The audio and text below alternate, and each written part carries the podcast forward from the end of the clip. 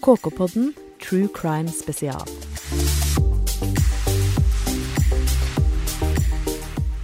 Barnemorderen Dagmar.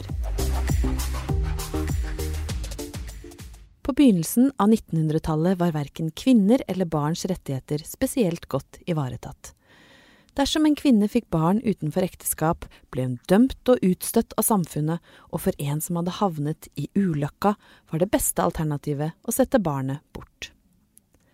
I 1916 fødte den danske kvinnen Rasmine Jensen et barn, men ettersom hun var ugift, ønsket hun at noen andre skulle ta hånd om det.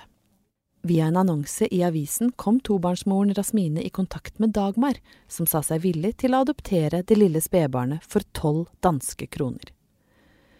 Denne barnetransaksjonen foregikk selvfølgelig under bordet. Rasmine ga Dagmar barnet i den tro at hun skulle ta hånd om det, eller finne noen andre som kunne oppdra det og gi barnet all den kjærlighet hun selv ikke kunne gi. Men dersom Rasmine hadde visst hva Dagmar hadde planlagt for den lille babyen, hadde hun mest sannsynlig aldri gitt det fra seg. For bare noen timer etter at Dagmar hadde overtatt omsorgen for babyen, kvalte hun det og kastet barneliket fra seg i toalettet på Assistens kirkegård i hjertet av København. Det skulle senere vise seg at Rasmines baby ikke var det eneste barnet Dagmar hadde tatt til seg og siden drept. I perioden 1916 til 1921 skal hun ha drept 16 barn. Fremgangsmåten var den samme. Hun kom i kontakt med mødrene via en avisannonse, fikk penger for å ta imot barna, for siden å drepe dem kort tid etter møtet med barnets mor. Hun varierte drapsmetodene og vekslet mellom å kvele barna og drukne dem, og for å kvitte seg med likene valgte hun enten å brenne dem, grave dem ned eller gjemme dem i bjelker på loftet. Men i 1920 var barnemorderdagene over for Dagmar Overby. En av mødrene som hadde betalt Dagmar for å adoptere barnet hennes, angret nemlig dagen etter og bestemte seg for å dra til Dagmars leilighet på Enghavet vei på Vesterbro for å hente babyen hjem. Men da Dagmar ikke kunne redegjøre for hvor barnet var, ble moren mistenksom og alarmerte politiet. Da politiet gjennomsøkte leiligheten, fant de rester av den lille babyen i kakkelovnen.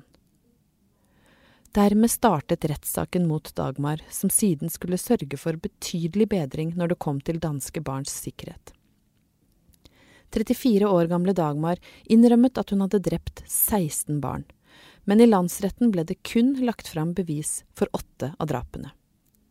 De som var til stede under den tre dager lange rettssaken, ble vitne til en kvinne med svært ustabilt og vanskelig humør.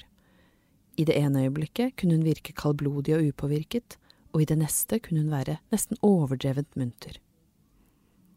Under rettssaken skal hun ha gitt uttrykk for at hun ikke visste hvorfor hun hadde drept spedbarna. Hun skal visstnok også ha vært påvirket av rusmidler under drapene. Etterforskerne begynte å grave i fortiden til Dagmar Amalie Overby, og fant ut at hun allerede som tolvåring var blitt tatt for tyveri. Hun ble den gangen sendt vekk av foreldrene Søren Julius August Overby og Ane Marie Petrine Christiansdatter Jonsson, men tre år senere flyttet hun tilbake til gården i Århus hvor familien bodde. I 1909 ble hun nok en gang anklaget for tyveri da hun jobbet som tjenestepike, og hun fikk sin første dom på Fyn i en alder av 22 år. Siden jobbet Dagmar som servitør på en restaurant hvor hun fikk barn med en kollega. Dette barnet døde, og årsaken er ikke kjent. Senere fikk hun også barna Erena Marie, født i 1912, og Paul, født i 1914, med en agent og husmann. I 1915 flyttet hun til København og åpnet en godteributikk på Amager. Det var her hun møtte en fyrbøter ved navn Svendsen som hun flyttet sammen med. De fikk barn, men også dette barnet døde under mystiske omstendigheter. Dommen mot Dagmar falt i 1921, og det var ingen tvil om at retten fant henne skyldig i de grove gjerningene. Ekspertene mente at hun ikke kunne bli erklært sinnssyk i gjerningsøyeblikket, og dermed fikk hun dødsstraff. Henrettelsen av den siste danske kvinnen hadde skjedd 60 år tidligere, i 1861, og dommen ble derfor en måned senere gjort om til livsvarig fengsel. Men dommen mot Dagmar hadde gjort myndighetene bevisst på at noe måtte gjøres med barnas sikkerhet og alenemødrenes rettigheter og vern, og som en direkte følge av Dagmar Overby-saken kom det i 1923 en ny lov som krevde bedre tilsyn av pleiebarn. Loven var i kraft helt fram til 1965. I tillegg ble det satt i gang tiltak for å styrke det akutte behovet for mødrehjem. Dagmar var også forløperen til at man fikk lov om folkeregistrert adresse på plass i 1924. Historien om Dagmar og de uskyldige barna har fascinert det danske folk i en årrekke, og har selvfølgelig blitt belyst både på film, TV og i litteraturens verden. I boken Dagmar Overby, Englemagersken fra 2007, skrevet av forfatter og sykepleier Karen Søndergaard Jensen, kommer det fram at man tror Dagmar begynte barnemorderkarrieren så tidlig som i 1911, og at hun skal ha drept over 20 barn. I den ti episoder lange TV-serien Historien om Danmark blir historien om Dagmar også nevnt.